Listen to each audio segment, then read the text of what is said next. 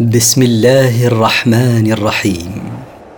مركز تفسير للدراسات القرآنية يقدم. المختصر في تفسير القرآن الكريم صوتيا.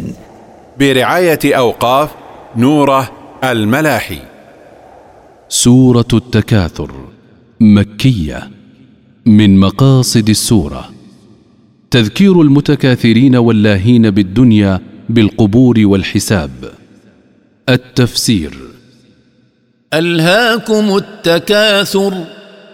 شغلكم أيها الناس التفاخر بالأموال والأولاد عن طاعة الله. حتى زرتم المقابر.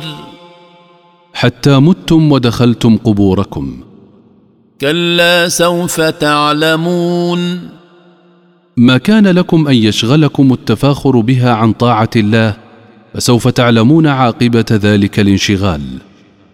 ثم كلا سوف تعلمون. ثم سوف تعلمون عاقبته. كلا لو تعلمون علم اليقين.